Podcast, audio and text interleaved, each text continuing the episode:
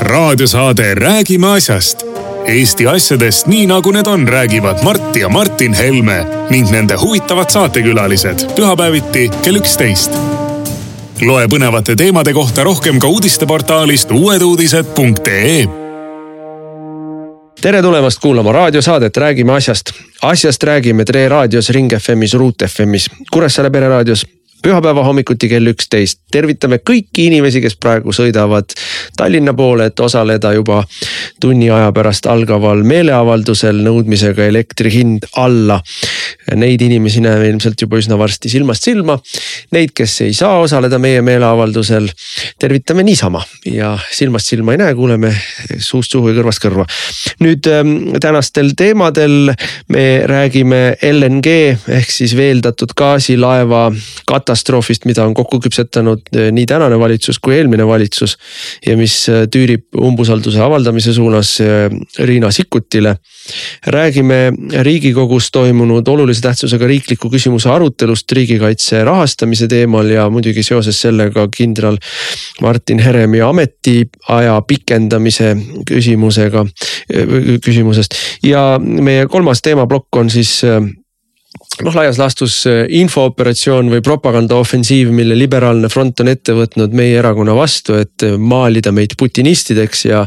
näidisjuhtum siin on sellest, kuidas meie väidetavalt ei toetavat riigikogu avaldust, mis mõistab hukka Venemaad, no äh, noh täielik, täielik piinlik libauudis, eks me räägime siis selle libauudise mm, siis sünniloost või, või sellest, kuidas libauudiseid kokku pätserdatakse siin saates laiemalt. täna on saates ka meil üks huvitav külaline lisaks lisaks äh, Mart Helmele ja mina, Martin Helmele on meil Leo Kunnas, meie erakonna fraktsiooni liige ja varikabineti kaitseminister.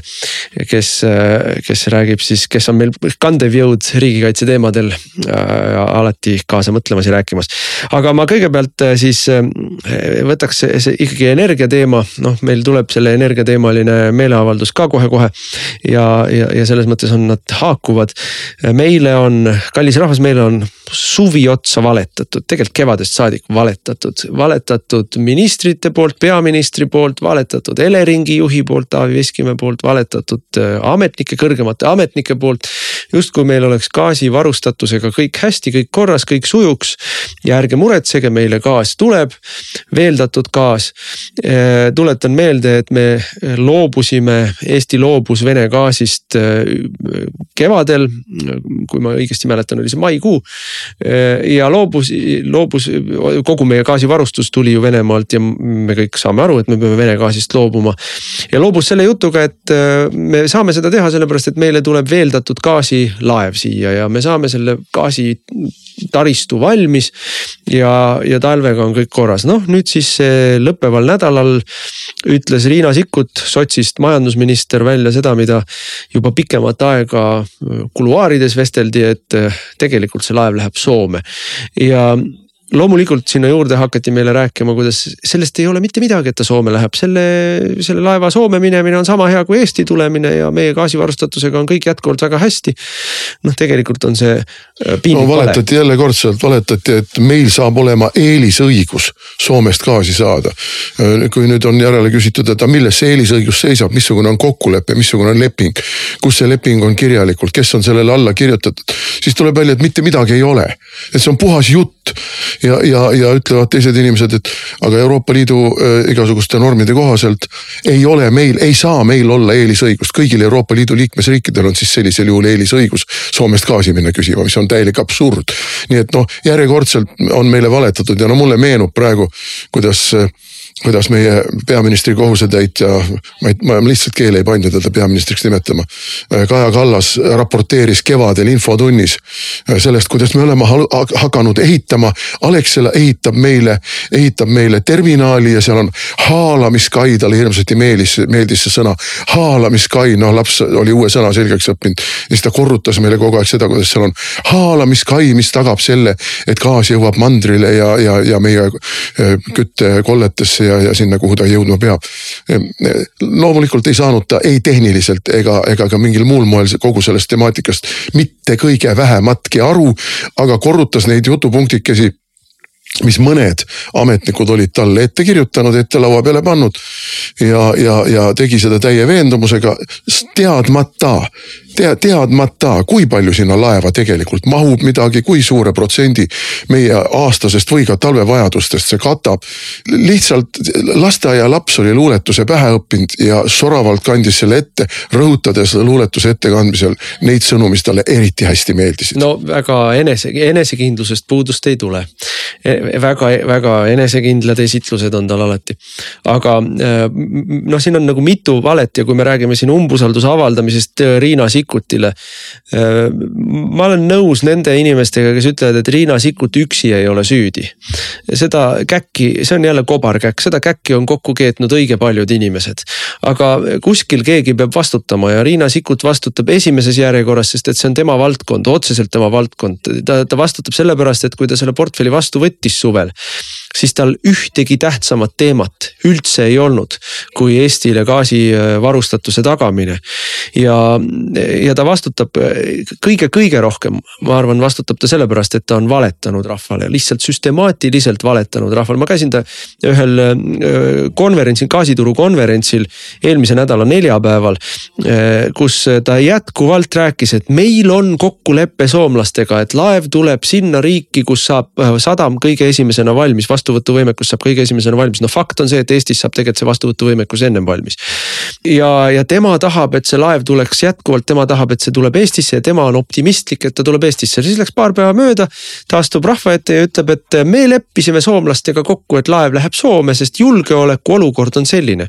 mis paneb tõesti nagu pisut kukalt kratsima, et punkt üks kui äh, NATO riik Eesti on nõrgemas julgeolekuolukorras kui mitte NATO riik Soome. et mismoodi äh, me saame seda NATO kaitsvat vihmavarju? ei no ja mismoodi me peaksime siis sealt Soomest keerulises julgeolekuolukorras selle gaasi kätte saama, kui seal Soome lahe suudmes on võib-olla Vene allveelaevad või. või, või Vene ka peale, pealveelaevad või Vene lennukid, kes võivad äh, kriitilise tähtsusega infrastruktuuri hävitama hakata. ja siis teine tema avalduse küsimus on see, et, et aga kui ähm, Äh, kui ta ütleb meile neljapäeval, et tema tahab, et laev tuleks Soo-, Eestisse ja ütleb esmaspäeval, et tema on leppinud kokku soomlastega, et laev läheb Soome. siis, äh, siis ta on ju teinud esiteks äh, väga põhimõttelise kannapöörde. või valetanud meile või mõlemat. ja teiseks ta ütleb meile otsesõnu välja, et mitte see, et mitte see lihtsalt ei olnud, et soomlased otsustasid nii, vaid tema ka otsustas nii, et tema oli nõus sellega, tema pooldab seda, et see laev läheb Soome. ja siis ta ütleb päev hiljem või sama päeva õhtul. aga ma teadsin juba juulikuus, kui ma ministriks sain, et tegelikult läheb laev Soome, et noh no seda no... kinnitab muide ka üks vendadest häältest, kes ütleb, et, et juba, juba suvel öeldi, et laev siia ei tule. ja sellel on väga lihtne põhjus. mäletame neid, vaata, need on niisugused tehnilised vaidlused, mis keval, kevadel käisid ja, ja me nendel teemadel paaril korral peatusime ka ja seal oli hästi palju sihukest infomüra. me mäletame, kuidas eh, eelkõige Kaja Kallas ja Taavi Veskimägi Carnegie Eleringi juht ei tahtnud, et Eesti riik osaleks laeva äh, siis rentimises. Nemad tahtsid, et e, e, eraturg selle ära teeks, et noh, las era, era, eraturg võtab riski. Äh, siis räägiti, et me rendime selle laeva kahe peale soomlastega. ja noh, see on väga hästi niisugune noh, jätab nagu otsad lahti, et kes need kahe peale on, meie, meie ja soomlased, kas see on Eesti valitsus ja Soome valitsus või see on Elering ja Soome äh, samasugune varustuskindlust tagav äh, võrguoperaator Gasgrid või see on äh, erasektorist mingisugused äh, riigile mittekuuluvad firmad, et kes need meie on, no tegelikult lõpuks tuli välja niimoodi, et see meie oligi ikkagi ainult Soome valitsus ja Soome valitsusele kuuluv riiklik firma ja meie ei osalenudki selles, hoidsime raha kokku, rehepapid hoidsid jälle, saagisid senti ja hoidsid raha kokku. ja, ja jäime laevast ilma ja kui soomlased juba olid selle ainurentijad, siis no tegelikult no kellele sa räägid seda muinasjuttu, et soomlased toovad laeva meile. Et see oli juba üks suur vale ja see oli üks suur strateegiline möödapanek, et me ei tahtnudki laeva rentida. Eesti valitsus, Kaja Kallas, Taavi Veskimägi ei tahtnud, sest nendele on eelarve tasakaal tähtis. ja teine probleem on muidugi sadamaehitus, et terve pool aastat lasi siis Eesti valitsus äh, Alexelal ehitada sadamat, maailma nii-öelda noh, rekordkiirusega tehakse sadamat. Ja kes siis äh, selle viimase puuduoleva jupi sinna jättis tegemata? Elering, kes ei ühendanud seda sadama infrastruktuuri ära, siia tänase päevani ei ole ära ühendanud gaasi trassiga. seda haalamiskaid ei ole. ja ei, haalamine on olemas, aga haalamise, haalamisel ei ole toru küljes. haalata saad, aga toru, toru, seda toru, mis pumpaks selle ülejäänud Eesti võrku ei ole. nagu luuletus, haalamiskaid. ja see, ja selle toru pidi sinna panema Elering ehk Taavi Veskimägi, kes ütles mulle näkku kevadel. et ma küsisin, et noh, tänasel päeval, kus meil on kõik need tarneraskused ja kõik teame, et meil on igasugused asjad ei jõua õigeks ajaks kohale, Hiinast ei jõua isegi mobiil, mobiiltelefoni laadijad kohale, eks ole, et kas sul torud on? jaa, torud seisavad meil õue peal. see, selles ei ole küsimus, torud on vaja maha panna, seal mõni kilomeetri panekut, et see ei ole mingi teema, see ei ole ei tehniliselt ega, ega materiaalselt mingi teema. aga siia noh, torud on pandud, aga ära ühendatud ei ole. ehk siis eh, Elering ei ole võimaldanud sellel sadamal muutuda sadamaks, kust saab gaasi pumbata. siin hakkas ju jälle väiklane kaklus, kes peab konkreetselt mingisuguse operatsiooni kulud katma, kas Alexela või Eesti riik. ja noh, e-, e-, eelarve tasakaal, noh, minu meelest on siin väga selgelt näha, et ajupoolkerade tasakaal on paigast ära. eelarve tasakaalu seisukohast leiti, et no aga las ikka teeb eraettevõtja, see sadam on ka eraettevõtja oma ja, aga miks riik peab seda siis tegema? aga nüüd on eraettevõtja teinud kümnete miljonite eest investeeringuid investeeringu, mida kasutada ei saa, vähemalt mitte lähiajal. Eh, kahel põhjusel, sellepärast et laeva ei tule ja teiseks gaasitoru ei ole võrku ühendatud. ja, ja nüüd see eraettevõtja esitab arve riigile ja noh, ma ei oska kuidagi vastu vaielda, et te andsite eraettevõtjale selge signaali, ehitage kai valmis, siis hakkab sealt gaas voolama ja teie selle pealt teenima, saate oma investeeringuraha tagasi. nüüd ei hakka gaas voolama, investeeringuraha tagasi ei saa, eraettevõtja tuleb, ütleb, et aga me tegime kulusid selle ootusega, et Eesti riik aitab siia tuua gaasilaeva ja nüüd seda ju maksumaksja saab ju ikka arve ja siin on kolmas teema veel sellega kõigega seoses, ma meenutan ka seda, kuidas me kevadel mitu korda tõstatasime teema, et seda uut sadamat ei ole vaja, meil on olemas Paldiskis sadam, mis on nii suur ja nii sügav ja, ja tormide eest nii hästi kaitstud. et ta äh, on võimeline vastu võtma eh, siis neid veeldatud gaasi ehk LNG laevasid. ainult mida seal ei ole, täpselt samamoodi ei olnud seal seda gaasitorustikku, sinna oleks pidanud ka Elering vedama torustiku kohale ja selle torustiku ühendama ära ülejäänud Eesti võrguga. E, see oleks olnud nagu kõikidest lahendustest kõige kiirem ja kõige odavam, aga seda ka ei tehtud. nii et noh, e, täiesti üheselt on selge, et ei Kaja Kallas, ei eelmine majandusminister Taavi Aas, ei praegune majandusminister Riina Sikkut ega Taavi Veskimägi Eleringist ega Majandus- ja Kommunikatsiooniministeeriumi asekantsler Timo Tatar ei ole teinud miinimumigi ära selle jaoks, et Eesti saaks gaasi sel talvel. ja, ja nüüd istuvad kõik ja räägivad meile muinasjuttu, et ärge muretsege, Soome läinud gaas on ka meie gaas. no ei ole. ei no sama lolli juttu räägitakse ju sellest, kuidas Lätis on ka gaasivarud ja Eestil on õigus sealt saada. Eestil on seal mingi, ma ei tea, kakskümmend viis protsenti või palju see meie vajadusest on. see on ainult paberil, seda ei ole päriselt ju. just, ma tahtsingi öelda ja noh, siis räägitakse meil siin Leedust, et Leedus on olemas vastav sadam, vastav sadamaterminal. no leedulased ei anna meile mitte midagi ja, ja meil ei ole sealt ühendusi ka. ei no Leeduga on probleem äh, ju lihtne, Leedu sadama võimekus, läbilaskevõimekus on piiratud. Leedu sadamast võrku tuleva toru läbilaskevõimekus on ka piiratud ja leedulased ütlesid meile juba kevadel. kevadel ütlesid leedulased, et kuna te ehitate endale ise sadamat, siis me teile võimekust ei eralda, sest et meil endalgi on teda vähem. ja kuna te saate oma sadama, siis arvestage sellega ja meil kõik teadsid seda, teavad seda, et Leedu sadama kaudu tuleb gaas Leedule Poolale ja natukene õige näpuotsaga ka tuleb Lätile. sest noh, see läbilaskevõime rohkemaks ei võimalda, no ja Poola mahud on ikkagi väga suured ja Leedu mahud on ka võrreldes meiega väga suured. nii et need, me teadsime kevadest saadik, et Leedust me ei saa midagi ja Leedu kaudu siis Läti mahutisse, see Inčukalnsi suur mahuti, kuhu me oma varusid kogume, ka ei pumbata seda Leedu kaudu täis. et seda me kõike teadsime ja ometi kõik on rääkinud meile suve läbi jälle, Kaja Kallas on rääkinud, Riina Sikkut on rääkinud, Timo Tatar on rääkinud, Taavi Veskimägi on rääkinud, et meil on varud Lätis ja meil on laev Soome lahe põhjakaldal ja muret ei ole. nüüd loen uudist sel nädalal, et varude agentuur, kellele valitsus andis, kui ma õigesti mäletan, sada seitsekümmend miljonit eurot lisaeelarvega, et ta ostaks Eestile gaasivarud ei saa selle raha eest seda kogust täis, mis ta pidi ostma, sest gaasi hind on nii kõrge. Eesti aastane tarbimine on kusagil neli teravatt-tundi, noh või isegi karmi talve puhul võib-olla viis teravatt-tundi. ja meie üldse pidime endale varuma veerandi ehk ühe teravati. nüüd see laev, mis Soome läheb, umbes selle ühe teravati toobki. aga Soome tarbimine on meist palju suurem, nii et see üks teravatt kulub Soomes ära ühe kuu jooksul.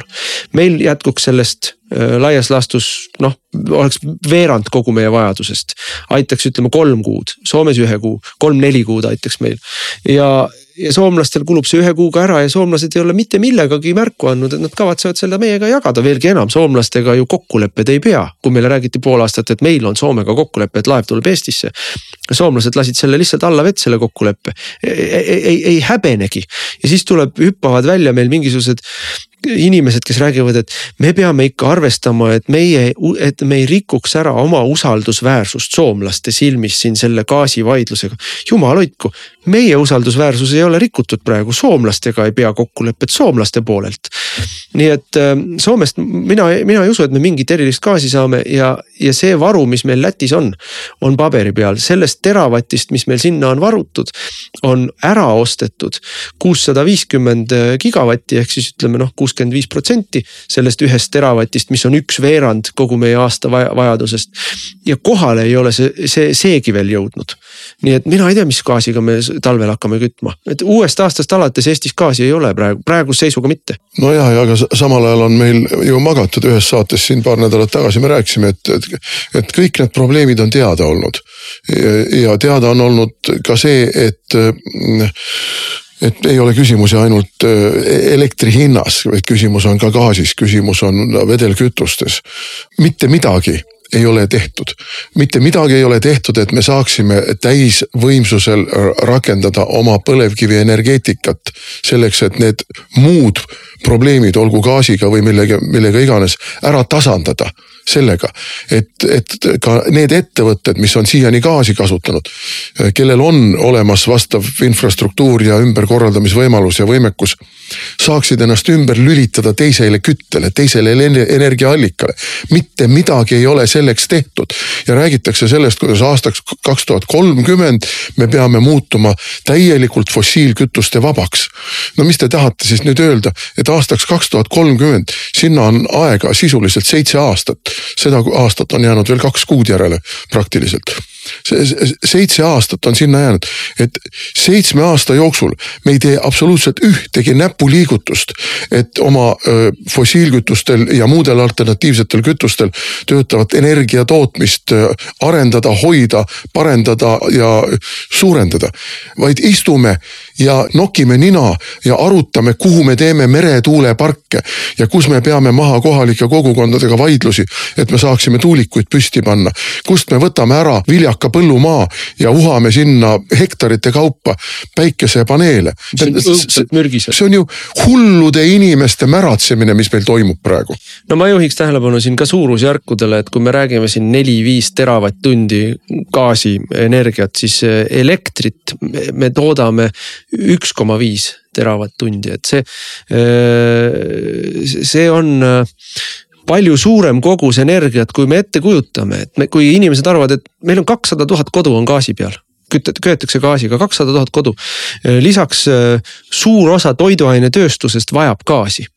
noh, igasugusteks protsessideks alates sellest, et pakendada seal mingeid vaakumpakendeid ja teha igast muid asju et meil, kui meil gaas otsa saab, siis meil satub löögi alla kahesaja tuhande kodu soe mida ei ole võimalik asendada, näiteks noh, ütleme, et okei okay,, aga pange siis äh, elektriradikad sisse, meil elektrivõimsust ei ole, et seda asendada, lihtsalt ei ole, noh. ei no elektriradikas ei..., mis maksab? ja noh, rääkimata no, rahast. käisin aga... ehituspoes ja vaatasin on puha allahindlused kõikide elektriasjade peale aga lihtsalt isegi kui, isegi kui sa ütled, et noh, maksab, mis ta maksab, ma pean ju kuidagi plusskraadid tuppa saama, eks ole. et, et eh, seda elektrit ei ole, võimsused ei kanna välja ja toiduainetööstus jääb seisma meil, kui meil gaasi ei ole. et me räägime, me räägime inimelude ohtu panemisest, kui me gaasivarustatust ei taga ja kui ma kuulan, mida räägib Kaja Kallas, kui ma kuulan, mida räägib Riina Sikkut, kui ma kuulan, mida räägib Timo Tatar Taavi Veskimägi, no see on täiesti süüdimatu jutt, täiesti süüdimatu. et ei, ei, ei, kõik on hästi jätkuvalt, kõik ärge muretsege, meil ei ole mingit muret. minu meelest lihtsalt need inimesed ei tohi edasi töötada, noh. ja, ja sellepärast me seda Riina Sikkuti umbusaldust teeks, me ei saa umbusaldada enam Taavi Aasa, kes on selle käki üks autoritest, me ilmselt peame ühel hetkel minema ikkagi ka Kaja Kallase umbusaldamisele, aga noh. praegu ei ole selleks lihtsalt seda, seda momentumit, ma arvan, et riigikogus Riina Sikkuti puhul on ikkagi mingisugunegi momentum, ma ei oska, ma ei ole kindel, noh, ütleme niimoodi, et Isamaa kindlasti suudab alati alt vedada, kui vaja on, aga, aga ta ei noh, vähemalt on nad ka väga pahased no Isamaal on põhjust siin äh, pahane olla ka muudel põhjustel, noh viskan lihtsalt kõrvale siia teise teema, see on Keit Pentus-Rosimannuse enda määramine ja see on ikkagi väga selgelt välja tulnud, et see on puhas kokkumäng olnud tema ja Kaja Kallase vahel. et Keit Pentus-Rosimannus sisuliselt määrab ennast kontrollikoja, kontrollikoja uueks liikmeks Eesti poolt ja hakkab seal saama üle kahekümne tuhande euro kuus palka. pluss igasugused muud soodustused ja boonused nagu kõikidel nendel. peaaegu kolmkümmend tuhat muide. euro, euro äh, satraapidel ja euro, euro äh, mandariinidel on.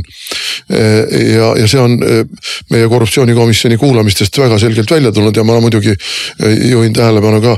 on olnud nüüd avalikud istungid eelmisel nädalal ja kui kellelgi on viitsimist, need salvestati ja need on põhimõtteliselt netist kättesaadavad, vaadake. Reformierakond saatis sinna Valdo Randpere trollima segama koosolekut, vahele rääkima, süüdistama koosoleku juhatajat, süüdistama Isamaa liikmeid, süüdistama ma ei tea veel keda kõike. lihtsalt huligaanitsema saatis sinna koosolekule Valdo Randpere, et, et ei oleks võimalik rahulikult, mõistlikult ja, ja argumenteeritult küsimusi ja argumenteeritult vastuseid saada. et noh, see ongi Reformierakonna stiil, nad ei saa ju mitte millegagi hakkama peale selle, et nad kasutavad meedia meediat ja oma liikmeid selleks, et laimata, valetada ja libauudiseid treida. raadiosaade Räägime asjast.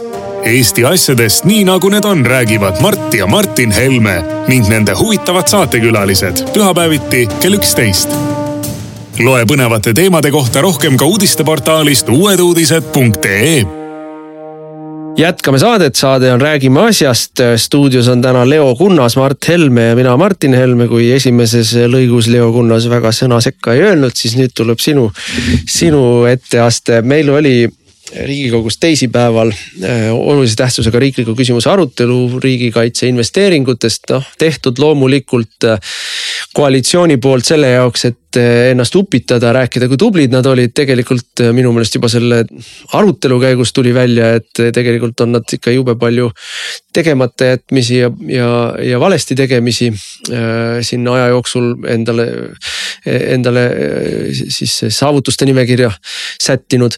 Ja, ja, ja noh, sellega samaaegselt toimus meil siis ka riigikogus äravormistamine, et äh, kaitseminister Hanno Pevkur saaks pikendada äh, Martin Heremi ametiaega kahe aasta võrra kaitseväe juhataja kohal.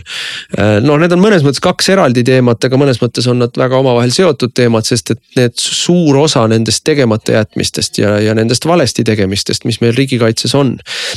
mis on loonud tänaseks päevaks olukorra, et kui Eesti tõepoolest peaks sattuma sõtta, siis me ei ole võimelised ennast adekvaatselt kaitsma või, või ma isegi ütleksin niimoodi, et selle tulemuseks on, et tohutu palju Eesti poisse saab surma ilma igasuguse põhjuseta. ilma, et sellest kasu oleks, ilma, et me tegelikult ennast suudaksime niimoodi kaitsta, nagu vaja oleks, et. et ja, ja seda ja neid tegemata jätmisi on vedanud, nende eest vastutab, nende otsuste taga on olnud Martin Herem kaitseväe juhatajana. ja tema eelkäija Riho Terras kaitseväe juhatajana, tänane Isamaa, Isamaa saadik Europarlamendis. ja, ja mis on kõige hullem, noh inimesed keelduvad tänase päevani tunnistamast, et et nad eksisid, et nad põhimõtteliselt noh, strateegiliselt eksisid. selle, selle plaaniga, mis nad Eestile on teinud, nad, nad, ma, ma tuletan meelde veel kevadel pärast Ukraina äh, sõja puhkemist Herem rääkis sellest, kuidas tema prioriteet ei ole, temal ei ole vaja õhutõrjet. ja noh, tohutu poliitilise surve tagajärjel tekkis Eestis lõpuks ikkagi see poli-, noh poliitiline otsus valitsuse tasandil, et me ikkagi õhutõrjet hakkame rahastama, temal ei olnud vaja. no ma sekka ütlen enne kui Leo öö, oma monoloogi saabki. et Ukraina sõda praegu ju näitab, et see sõda toimub suuresti õhus. seal on raketid, seal on droonid, seal on lennukid. ja loomulikult on ka maismaalahingud, aga, aga suur osa sõjast toimub toimub õhus. ja kui meil on kindral, kes mõnitab sind, et lollidel, kes ei ole haridust saanud, ei maksa üldse sel teemal kaasa rääkida. siis noh, selline kindral peaks päevapealt olema pagunitest ilma jäetud ja kuskile tsiviiltööle. ausalt öeldes mingu metsa alla, metsaalust koristama, et CO2 emissiooni vähendada no ma ütleks muidugi, et kui jah, ma ka lugesin tema mingit plõksimist, et, tema on käinud sõjakoolis ja mina ei ole käinud, mis, mis ta nüüd. ma olen käinud Alu Kaitseliidu alukoolis, ma olen saanud seersandi auastme seal, ma olen täiesti sõjaväeliselt haritud inimene. ja, ja ka temal on see haridus külgimööda alla jooksnud minu meelest, minul ei ole. aga palun, Leo, räägi oma, oma siis vaade asjale ära või aga alustame siis olulise tähtsusega riiklikust küsimusest, et kuhu nüüd me oleme siis jõudnud sõja mõjul välja, on see, et valitseb suhteline konsensus erakondade vahel, et kümnendi lõpuni me peaks tõstma kaitsekulud kolm protsenti pluss SKT-st ja panema ka null koma viis protsenti SKT-st siis laiapõhjalise riigikaitse alla, et noh, siin tegelikult on olukord kõige karmim, et päästeameti oma inimesed, kes selle eest vastutavad, noh ütlevad otse välja, et nüüd meil on vaja teha mõne aastaga kolmekümne aasta töötasa see on progress võrreldes sellega, kui me hääletasime strateegia kaks tuhat kolmekümne viie üle veel eh, siis eelmisel kevadel. kui me pakkusime välja, et tõstame kahe koma kuuele protsendile ja teeme selle raames siis ära noh, viime lõpuni miiniveeskamise rannakaitse ehk siis eh, maismaal baseeruva rannakaitse laevatõrje raketikompleksidega. teeme ära keskmaa õhutõrje, teeme ära tankid ja vaatame selliseid innovatiivseid lahendusi droonide ja mehitamata maa ma,, maismaasõidukitega, et siis veel noh, kahjuks Reformierakond ja Keskerakond, kes olid valitsuses, hääletasid lihtsalt selle positiivse ettepaneku maha. kusjuures ma kaks asja ütlen siia vahele. esiteks meie valimis programmis, kaks tuhat üheksateist valimisprogrammis oli see sees juba, et tuleb suurendada riigikaitsekulutusi ja tuleb ära teha need võimelüngad ära teha. teiseks, kaks tuhat viisteist aastal me juba panime valimisprogrammi selle sisse, ehk siis meil oli ettenägemisvõimet juba kaheksa aastat tagasi öelda, et need asjad on vajalikud, sest julgeolekuolukord nõuab seda. ja tol korral mäletan väga hästi kaks tuhat üheksateist aasta kampaania ajal, kuidas meid mõnitati ja ilguti meie kallal, et me tahame riigikaitselaenu võtta ja miljard eurot panna sinna lollakaks olete läinud. Et eh, aga nüüd on selle miljardi asemel vaja panna kaks miljardit, sest asjad on läinud kallimaks ja raha on läinud odavamaks. no RES-is. sellest see protsendi vahe muide. RES-is nüüd on, eh, läheb juurde üks koma kakskümmend viis miljardit, et järgmise aasta kaitsekulud on siis kaks koma kaheksakümmend viis protsenti ja ülejärgmine on siis planeeritud umbes kolm koma kaks, et. et see on nagu tõsine vigade parandus, aga ma lähengi nüüd sujuvalt järgmise teema juurde, et seesama jõukohane riigikaitse. Kaks tuhat kaksteist ma olin, äh, kaitseministril oli nõukoda, siis oli Laar ja pärast tuli Reinsalu, mille juht ma olin. ma olin, me tegime põhjaliku ettekande selle nõukoja töö tulemusena, et mida peaks siis tegema. sest sel ajal oli Vene moderniseerimisplaan juba väljas. ja noh, see ei jõudnud mitte kuskile, et et sõjakaitseväge, planeeritud sõjakaitseväge vähendati siis neljakümne kahelt tuhandelt kahekümne ühele tuhandele ja need võimearendused kõik kadusid mis olid tegelikult arengukavas null üheksa kaheksateist, et tegelikult praegu me teeme uuesti suuresti arengukava null üheksa kaheksateist ehk sõjakaitsevägi tõuseb kolmekümne kuuele tuhandele ehk siis kuus tuhat on veel minna selle neljakümne kahe tuhandeni, muidugi see peab veelgi tõusma. no tegelikult me räägime kuskil, ma arvan, kui me, kui me vaatame seda, missugune sõda praegu Ukrainas on, et me räägime siin ikkagi meie sõjaaja kaitsevägi peaks olema seal viie-kuuekümne tuhande meheline. täpselt nii, et lätlased on ka nüüd kuulutanud välja, et nende eesmärk on viiskümmend tuhat, aga see võtab neile kaksteist kuni viisteist aastat aega, sest nad peavad taastama ajateenistuse ja looma reservteenistuse. mis on keeruline ülesanne, kolmekümne kuue tuhandeni, noh, see eesmärk, mis kaitseväe juhatajal on järgmise aasta lõpus, see on täiesti saavutatav. selles eesmärgis ma ei kahtle ja kiidan selle heaks, et kui on põhjust tunnustada, me oleme seda alati teinud, me oleme tunnustanud proua peaministrit selle eest, et ta ütles välja, et see miinitraadi või päästiku või inglise keeles tripwire kontseptsioon, mis liitlastel oli, et jah, et osa Baltikumist või isegi terve Baltikum võidakse okupeerida ja me vabastame selle, et see, see ei ole meile ei sõjaliselt ega poliitiliselt vastuvõetav. et see on väga positiivne asi, aga tegelikult sama tuleb teha sellesama jutumärkides jõukohase riigikaitsega. tuleb ausalt tunnistada, et see oli oluline viga ja suur viga ja me juba seda parandame ja me peame seda parandustööd tegema. ei tohi ka ära unustada, kes selle vea tegid, selle vea tegid, ma veel kord tuletan meelde, sel ajal kaks tuhat kaksteist umbes oli ikkagi Riho Terras. ja seda jätkas kangekaelselt kuni, kuni põhimõtteliselt ikkagi viimase minutini, kuni, kuni ka, ka veel sel ajal, kui Ukrainas on sõda käinud. ju põhimõtteliselt Herem on jätkanud sellega jah, paraku kolm arengukava on koostatud selle kontseptsiooni alusel ja viimase valitsus kinnitas alles eelmise aasta detsembris, millal vägede koondamine juba käis. et, et tuleb seda tunnistama, tunnistada ja loomulikult äh, EKRE kaitseministri kandidaadina noh, selle vea tunnistamine ja selle nagu otsustava parandamine on üks esimesi asju, mida ma pean tegema ja loomulikult ma pean ka sel juhul Eesti rahva ees vabandama selle eest, et, et kui on olnud pikalt see selgitus, et me oleme kaitstud paremini kui kunagi varem, siis ju faktide alusel me ju sellesama tripwire ehk miinitraadi ja siis jutumärkides jõukohase riigikaitse kontseptsiooni raames ei, me ei ole me ju seda teinud.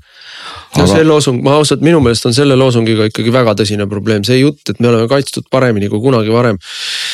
noh, see on kui me heatahtlikud oleme, siis on ta avalikkust eksitav, tegelikult on ta ikkagi äh, inimestele propaganda vale näkku paiskamine, et see noh, tugineb äh, asjaolul, et meil on võib-olla rohkem kui kunagi varem või lihtsalt üldse võrreldes varasema ajaga siin mingisugune hulk liitlaste üksusi, mis ei ole väga suured. et meil on mingisugust tulejõudu rohkem, kui meil varem oli, aga tulejõudu on ka vastaspoolel rohkem kui kunagi varem.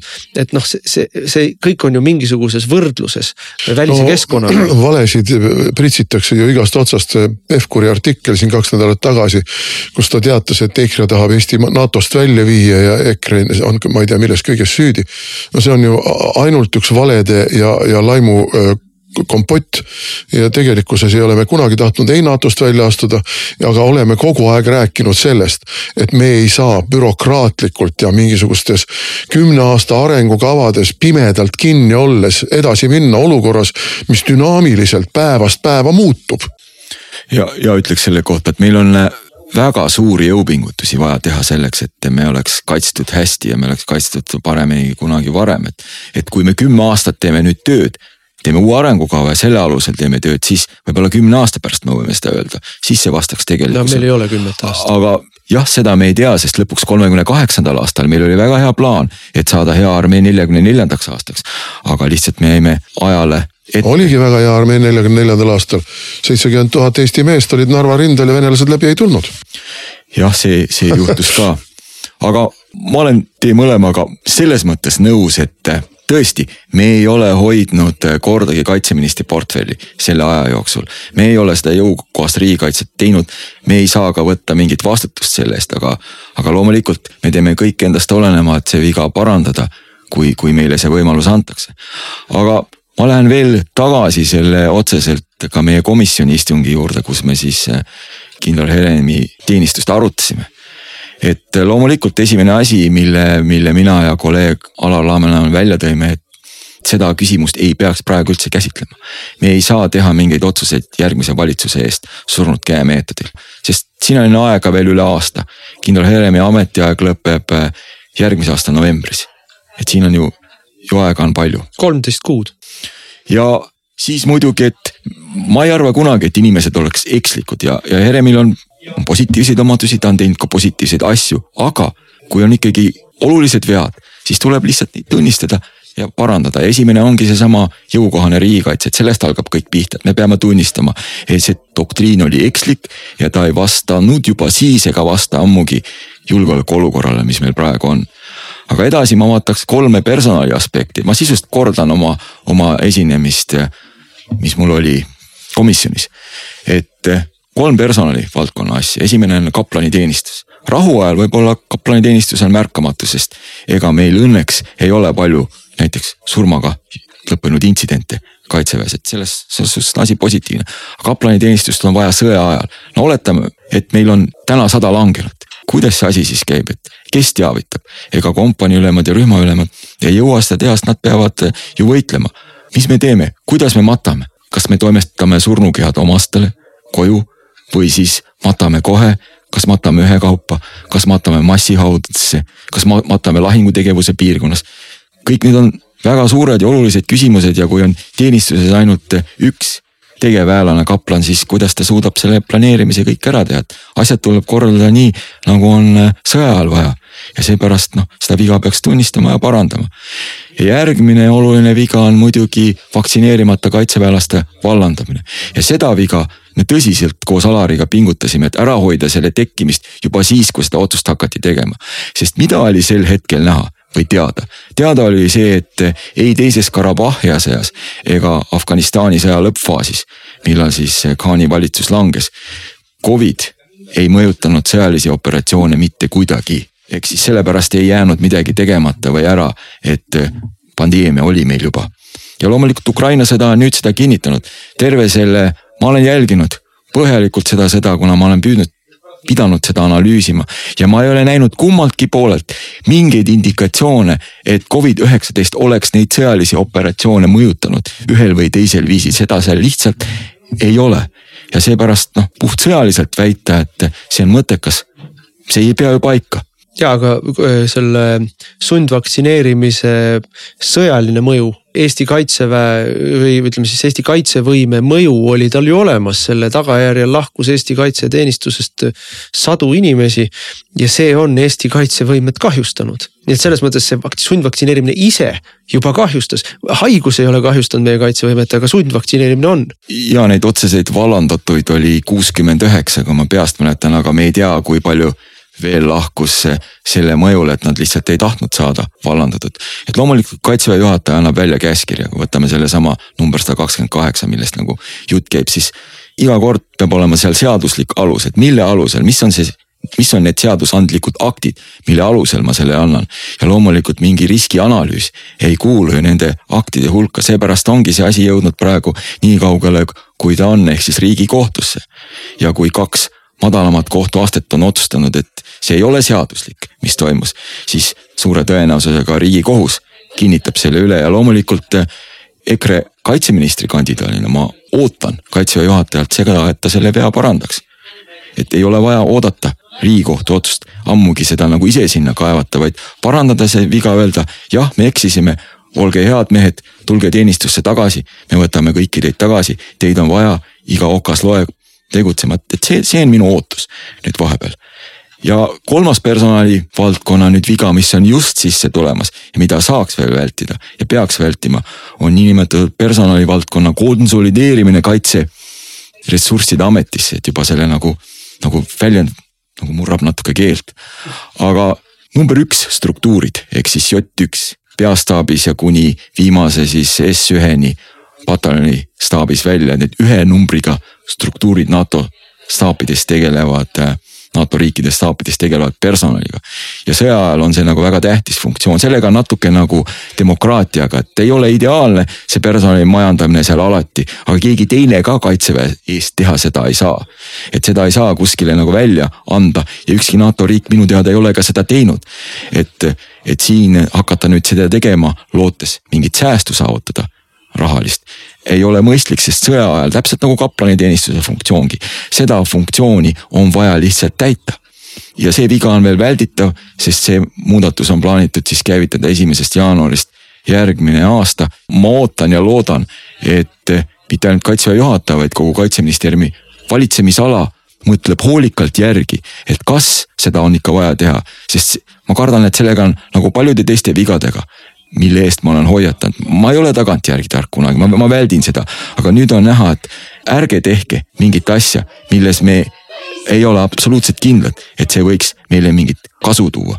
et, et seda viga saaks veel vältida. küll, küll aga me oleme üsna kindlad, et see toob kahju no mina lisaksin siia patuloetelusse ikkagi väga ühe väga suure asja, noh, sa rääkisid juba ära sellest sundvaktsineerimisest, see on põhiseadusvastane tegevus, me oleme seda algusest saadik rääkinud, me ei ole ka siin tagantjärgi targad, et see on.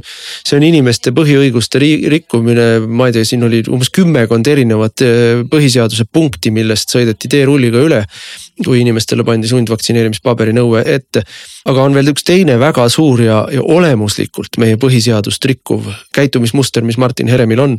ja see on tsiviilkontrolli mittetunnistamine, sisuliselt tsiviilkontrolli mittetunnistamine ja see on üliohtlik demokraatlikule riigikorraldusele ja, ja, ja meie põhiseaduslikule korrale. ma juhiks tähelepanu seda, et kui sinul oli põhimõtteline või, või selline, ma ei tea, kas maailmavaateline või, või, või ideoloogiline vaidlus tollase valitsusega sellest, kuidas kaitseväge arendada, siis äh, sa läksid äh, reservi ja hakkasid seda vaidlust pidama tsivilistina. Sa ei saanud seda vaidlust pidada, olles edasi kolonelteenistuses, see ei tule kõne allagi. vaielda poliitikutena, tegevsõjaväelasena, eriti kuskil Facebookis, ma ei tea, mingites gruppides, lihtsalt ei tule kõne alla see on nii lähedal, samm lähedal huntale. noh, see on mõeldamatu, et seda teha ja kui Herem tahab vaielda poliitikutega, siis paneb Herem ameti maha, läheb reservi ja vaidleb nii palju, kui süda lustib. astub mõne erakonna ridadesse, kandideerib riigikogusse, teeb, mis tahab. Herem tegevteenistuses ei saa, ei tohi vaielda poliitikutega, see on ohtlik meie riigikorraldusele, see on ohtlik demokraatiale. ja ta teeb seda kogu aeg. ma, ma mäletan ise seda, et kui meil oli ka konflikt põhimõtteliselt poliitiliste ringkondadega üldse kaitseväe edasise arengu ja, ja, ja paljude muude asjade, see läks nii kaugele, et üks poliitik näiteks nelja, mind ja veel nelja ohvitseri süüdistas avalikult, et me oleme nagu nelik jõuk. me ei öelnud selle peale midagi, me oleme vait, et me ei ole mille, milleski ikkagi süüdistanud selles mõttes, et selliseid mingeid räigusi. Ja me olime ka selles mõttes vait sellel momendil, kuigi nagu hinges kripeldas nagu väga tugevalt, et noh, kuna see ei tundunud nagu õige ja õiglane, et, et siin on nende seaduste ja selle osa jälgimine tegelikult tooks veel ühe aspekti, et, et see on tegelikult oluline, et meenutan seda eelmise aasta Mali operatsioonile minekut, et, et kaitseväe juhataja andis sõjalise nõuande, et me peaks osalema aga sellel oli sõjaline riigipööre, ehk siis hunta tuli võimule kolmkümmend august kaks tuhat kakskümmend. sellel oli väga selge, et Malis ei ole enam seaduslikku valitsust, keda me saaks toetada, et, et sõjaliselt jah, võib olla otstarbekas seal osaleda, aga kui seaduslikku valitsust enam ei ole ja Wagner on tulemas nagu sisse, et siis oli ju, ju näha, et siin on ka muid aspekte, mis sõjalised aspektid üle kaaluvad. ja noh, lõpuks riigikogus, kui see hääletus Mali operatsioonide üle oli, et me olime selle vastu puhtalt nendel põhjustel ja need operatsioonid kõik katkestatigi poole pealt aga pärast seda, kui see oli rõõmsalt koalitsiooni häältega, tegelikult kõikide teiste erakondade häältega heaks kiidetud, et noh, me. me Mali teemal algusest saadik rääkisime, miks Malisse ei peaks minema, miks Malis ei ole mõtet olla. ja, ja, ja kõik, mis me jälle noh, sul jumala õige me ei ole tagantjärgi targad selles küsimuses, me rääkisime ette ära, mis need probleemid on ja miks, miks peaks tegema teistmoodi. ja noh, lihtsalt äh, jälle hakati süüdistama seda, et kuidas me ei nõrgestame Eesti riigikaitset ja liitlassuhteid, no, no lihtsalt ajuvaba jutt.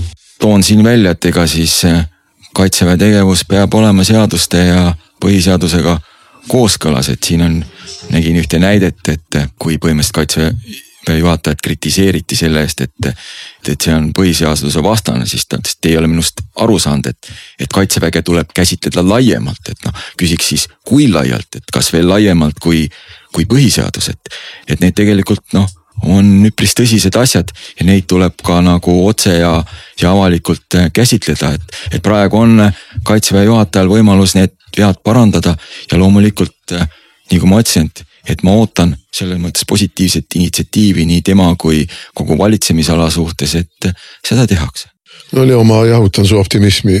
Need inimesed ei tee seal mitte midagi, täpselt samasugune bürokraatlik sahkerdamine jätkub, täpselt samasugune eh, maksumaksja raha ebasihipärane ja ebaefektiivne kulutamine jätkub.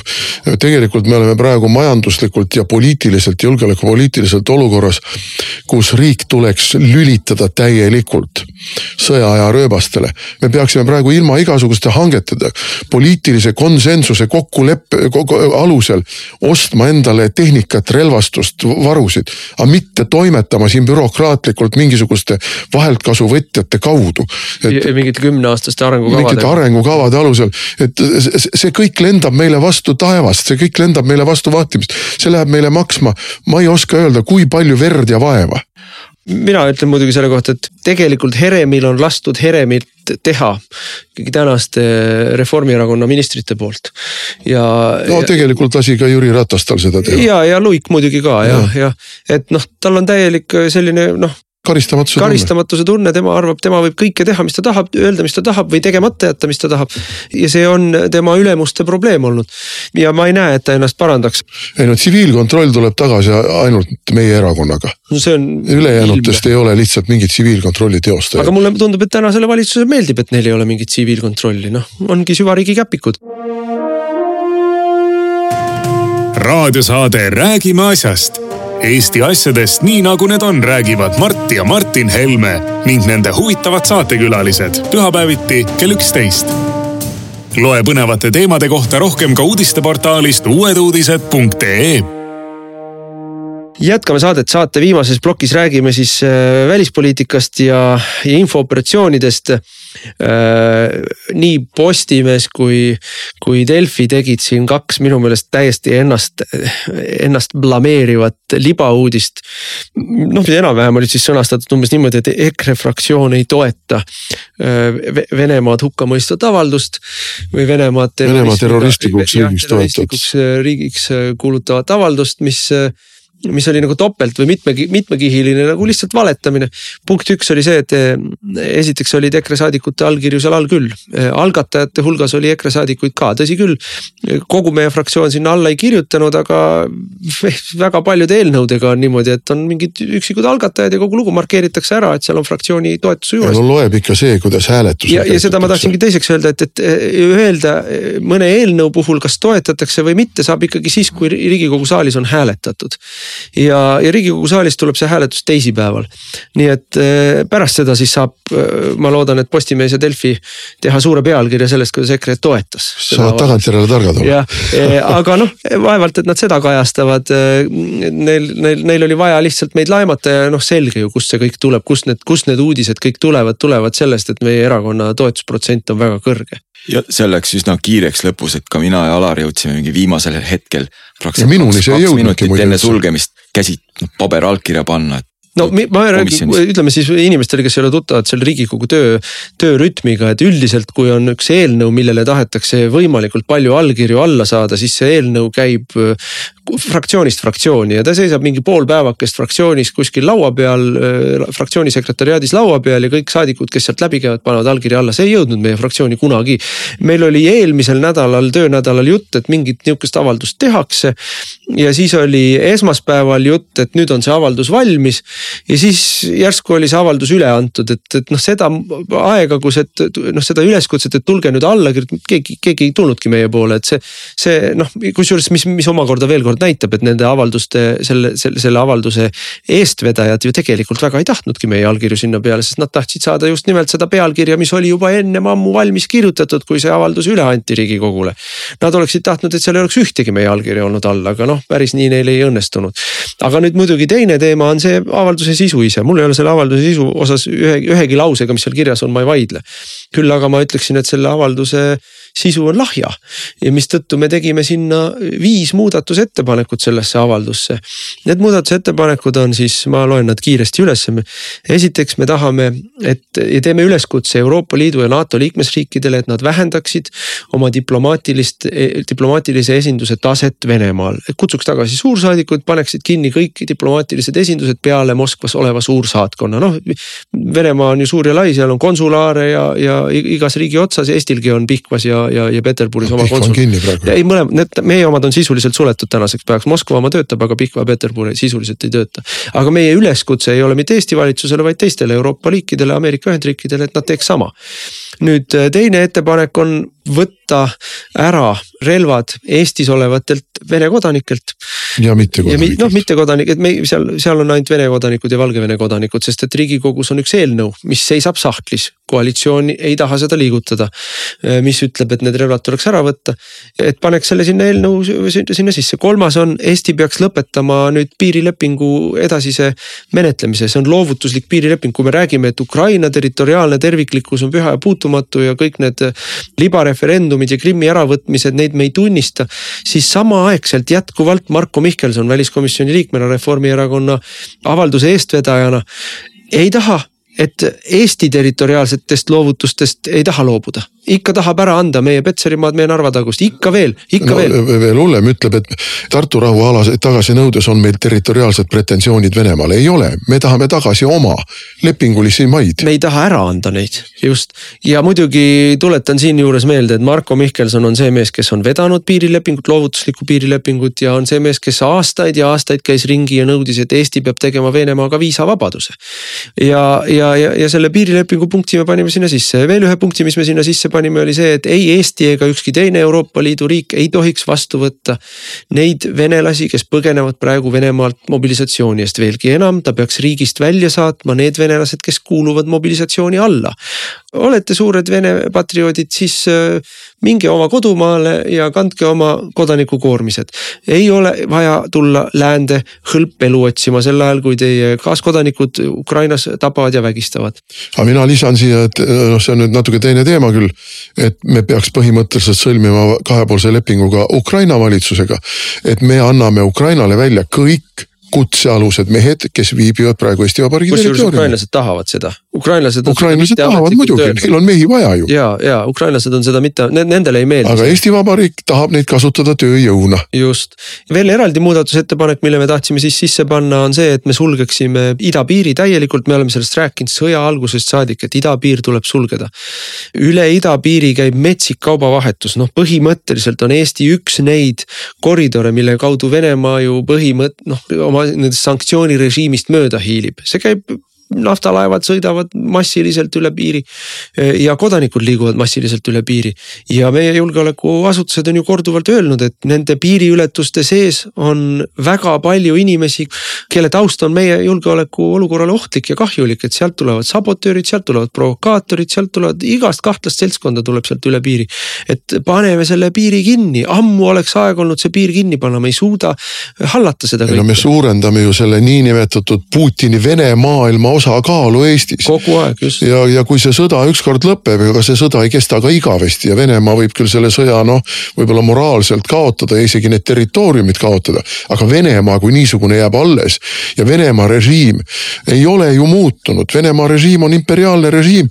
ja kui meil on siin mingisuguse kahesaja viiekümne, kolmesaja tuhande venelase asemel pool miljonit venelast, siis on see kang Vene maailma nõudmiseks ja selle kaudu Eesti riikluse lahjendamiseks, hävitamiseks oluliselt suurem ja tugevam. no me viies kolonn ju suureneb meil iga päev, aga noh, muidugi, mis väliskomisjonis juhtus, oli see, et kõik teised erakonnad ütlesid, et väga head ettepanekud, aga praegu neid toetada ei saa ja hääletasid need maha. no ma tahan, ma ütlesin neile ka kõigile seal, et aga olge nüüd nii head, minge esmaspäeval fraktsiooni koosolekule, öelge, et need on need muudatusettepanekud, mille me oleme teinud sinna. ja teisipäeval on aeg saalis nupule vajutamisega näidata, kas te pooldate seda või ei poolda seda. ja noh, ma tahangi näha siis, mida teeb Isamaa sellesama piiriületuse teemal, nende samade relvade äravõtmise teemal, piirilepingu teemal. mida teevad, mida teevad reformierakondlased sellel teemal, et me sama piirilepingu teemal, diplomaatilise taseme vähendamise teemal, et no näidake siis. kas te tahate lihtsalt ühe deklaratsiooni vastu võtta, mis ütleb, et Venemaa on paha ja me kõik oleme nõus, siin ei ole ju vaidlust. või me tahame midagi konkreetselt ka teha, kusjuures konkreetselt teha üleskutseid ka lääneriikidele ja et kui ma ise lugesin ka seda teksti, siis ma olin hämmastunud tegelikult selle nagu teatud pehmusest, et tõesti, et, et see on väga karm, karm avaldus tegelikult, me võib-olla ei tajugi, kui karm, et, et kuulutada terroristlikuks riigiks, aga samal ajal kuidas oleks siis võimalikud mingisugusedki läbirääkimised piirilepingu üle terroristliku riigiga? Või kas me luga, lubame riigi kodanikel, kelle me oleme kuulutanud terroristlikeks, terroristlikuks omada siin relvi, et need siin on ju selge aloogilisus. Tekib, et, et väga karm deklaratsioon, aga praktilisi meetmeid ei ole, et pigem isegi oleks eelistanud karmimaid praktilisi meetmeid, sest noh, deklaratsioonidel noh, nendel on oma kaal. Ja loomulikult ma toetan ka seda sõnastust nagu kahe käega. aga ma loodan ka, et vähemalt mõni meie muudatusettepanekutest läheb ka läbi no mulle tundub, et kogu see avaldus, sellel avaldusel on nii-öelda kaks sellist äh, etümoloogilist äh, alget, et üks muidugi on see, et noh, me näeme, kuidas tänane Kaja Kallase valitsus äh, palehigis soovib kõik teised teemad poliitilisest, noh valimiskampaania eelsel ajal poliitilisest debatist välja lülitada. jumala eest, et me ei räägiks energiast, jumala eest, et me ei räägiks inflatsioonist või immigratsioonist. et kõik, mis ainus, millest rääkida, on Ukraina ja Vene sõda ja Ukraina sõja kontekstis siis Venemaa kritiseerimine, et noh no mitte ainult Venemaa kritiseerimine, ka sisepoliitilise vaenlase tekitamine Putini käsilase nime all. just, just, just ja siis sealtkaudu sõimata siis meid, eks ole, et meie, meie ei ole piisavalt äh, ka innukad Venemaa kritiseerijad. ja see on see teine etümoloogia, see on selle põhjus, miks nad selle avaldusega lagedale tulid, et nad oma meelest olid jõle kavalad, et paneme selle lauale ja vaatame, mis EKRE teeb, no EKRE ei tee midagi. Panid niimoodi lauale, et me ei saanud väga isegi allkirju sinna käia panemas ja, ja siis juba olid neil Äh, valveajakirjanikud valmis, kes hakkasid siis meid sõimama selle eest, kui, et me oleme hirmsad Putini agendid. aga, aga noh, teine muidugi on see, et see on väga sümptomaatiline, et meie tänane valitsus võtab poose selles välispoliitilises, julgeolekupoliitilises olukorras, aga ei tee tegusid, see on hästi sümptomaatiline, et sel, ma, ma iga kell eelistaksin, et me avalduse asemel valitsus teeks need asjad lihtsalt ära. et panekski selle piiri kinni, võtaks need, korjaks need relvad kokku, saadaks need äh, mobilisatsiooni eest põgenevad inimesed välja. et tehke päriselt midagi ära, siis ei pea avaldusi tegema, kõigile jõuab kohale see niikuinii. me oleme teinud, riigikogu on teinud minu meelest kolm või neli Ukraina teemalist avaldust, et noh, kas me hakkame nüüd iga nädal või iga kuu tegema avaldusi, et valimiste eel oleks ikkagi võimalik näidata, et, et me oleme suured Ukraina patrioodid see asi on tagurpidi noh. jah, aga minu arvates näitab praegu see avaldus ka seda, et, et tegelikult sellised pooside võtmised järjest ja järjest devalveeruvad. ja, ja devalveerivad ka suhtumist sõjasse Ukrainas. aitavad kaasa teatud tüdimuse tekkimisele publikus. et noh, jälle mingisugune avaldus, no jälle mingisugused nagu, nagu see raha korjamiskampaania, me oleme andnud raha. me oleme andnud mundreid, me oleme andnud relvi, me oleme teinud avaldusi, et lõppu ei paista, muudkui nõuate ja nõuate ja nõuate süüdistavalt. me ei ole milleski süüdi, me oleme oma parima andnud, aga ikka me oleme süüdi et.... ei noh, süüdi on, on meie erakond no., noh süüdi oleme me selles, et me ei, ei räägi täpselt seda juttu, mida Reformierakond nõuab, et kõik räägiksid. ei noh, see on juba äh, niisugune keskaegne ususõdade temaatika, et, et kui sa ikkagi ortodokseid äh, riitusi kogu aeg läbi ei vii sa võid küll öelda, et sa usud jumalat, aga sa pead ortodokseid riitusi kogu aeg läbi viima ja avalikult ja demonstreerima, et sa teed just nimelt nii, nagu on ette nähtud, lööd risti ette mitte kahe sõrmega, vaid kolme sõrmega või vastupidi, kolme sõrme asemel kahe sõrmega.